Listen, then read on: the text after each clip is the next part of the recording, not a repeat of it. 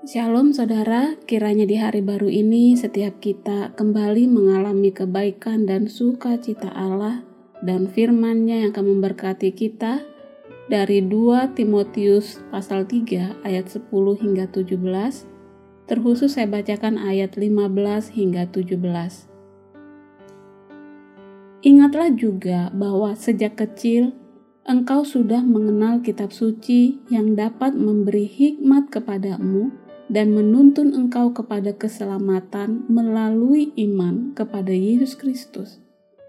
Seluruh kitab suci diilhamkan Allah dan bermanfaat untuk mengajar, untuk menyatakan kesalahan, untuk memperbaiki kelakuan, dan untuk mendidik orang dalam kebenaran dengan demikian, tiap-tiap manusia kepunyaan Allah diperlengkapi untuk setiap perbuatan baik.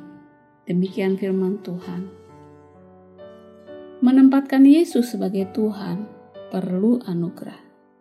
Ya, kita percaya bahwa untuk seseorang bisa menempatkan Yesus sebagai Tuhan dalam kehidupannya, sungguh memerlukan anugerah oleh anugerah Allah yang mengampuni, menyelamatkan, dan mengubahkan dari hari ke hari. Dan kitab suci menjadi dasar kebenaran untuk kita bisa mengetahui dan mengakui akan hal penting ini. Kita tidak bisa berpikir demikian tanpa kitab suci yang adalah firman Allah. Kitab suci tidak saja dipelajari untuk berpikir, untuk memuaskan secara akademi, teologis, atau terbatas untuk kalangan tertentu saja, melainkan ada sesuatu yang lebih dalam.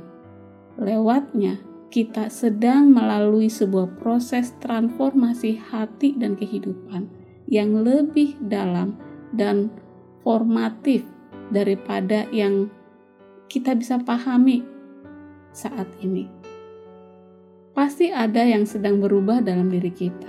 Demikian juga seluruh arah hidup kita.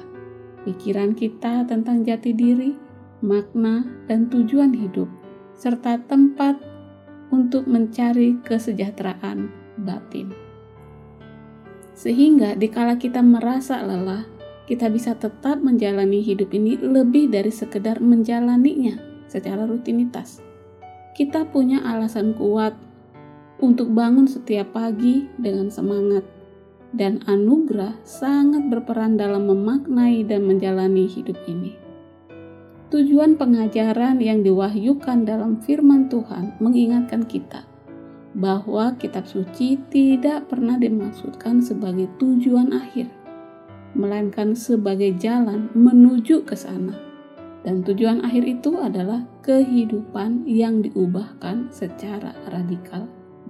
Tujuan teologi bukanlah pengetahuan, melainkan kekudusan.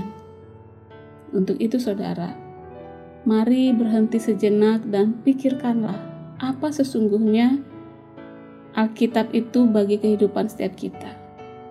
Adakah dia adalah firman Allah yang diilhamkan untuk menolong kita? Alkitab adalah kisah akbar tentang penebusan Mungkin lebih baik menyebutnya cerita tentang keterangan teologis. Cerita tentang catatan-catatan penting dari Allah. Cerita tentang Yesus yang datang menawarkan sesuatu yang amat kita perlu, yaitu anugerah.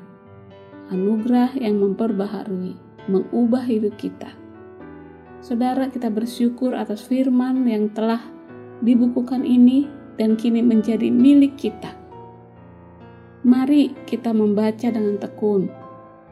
Mari rasakan bagaimana kita bisa mengalami hidup yang berbahagia dengan membaca merenungkan firman Tuhan siang dan malam, sekalipun dunia begitu keras.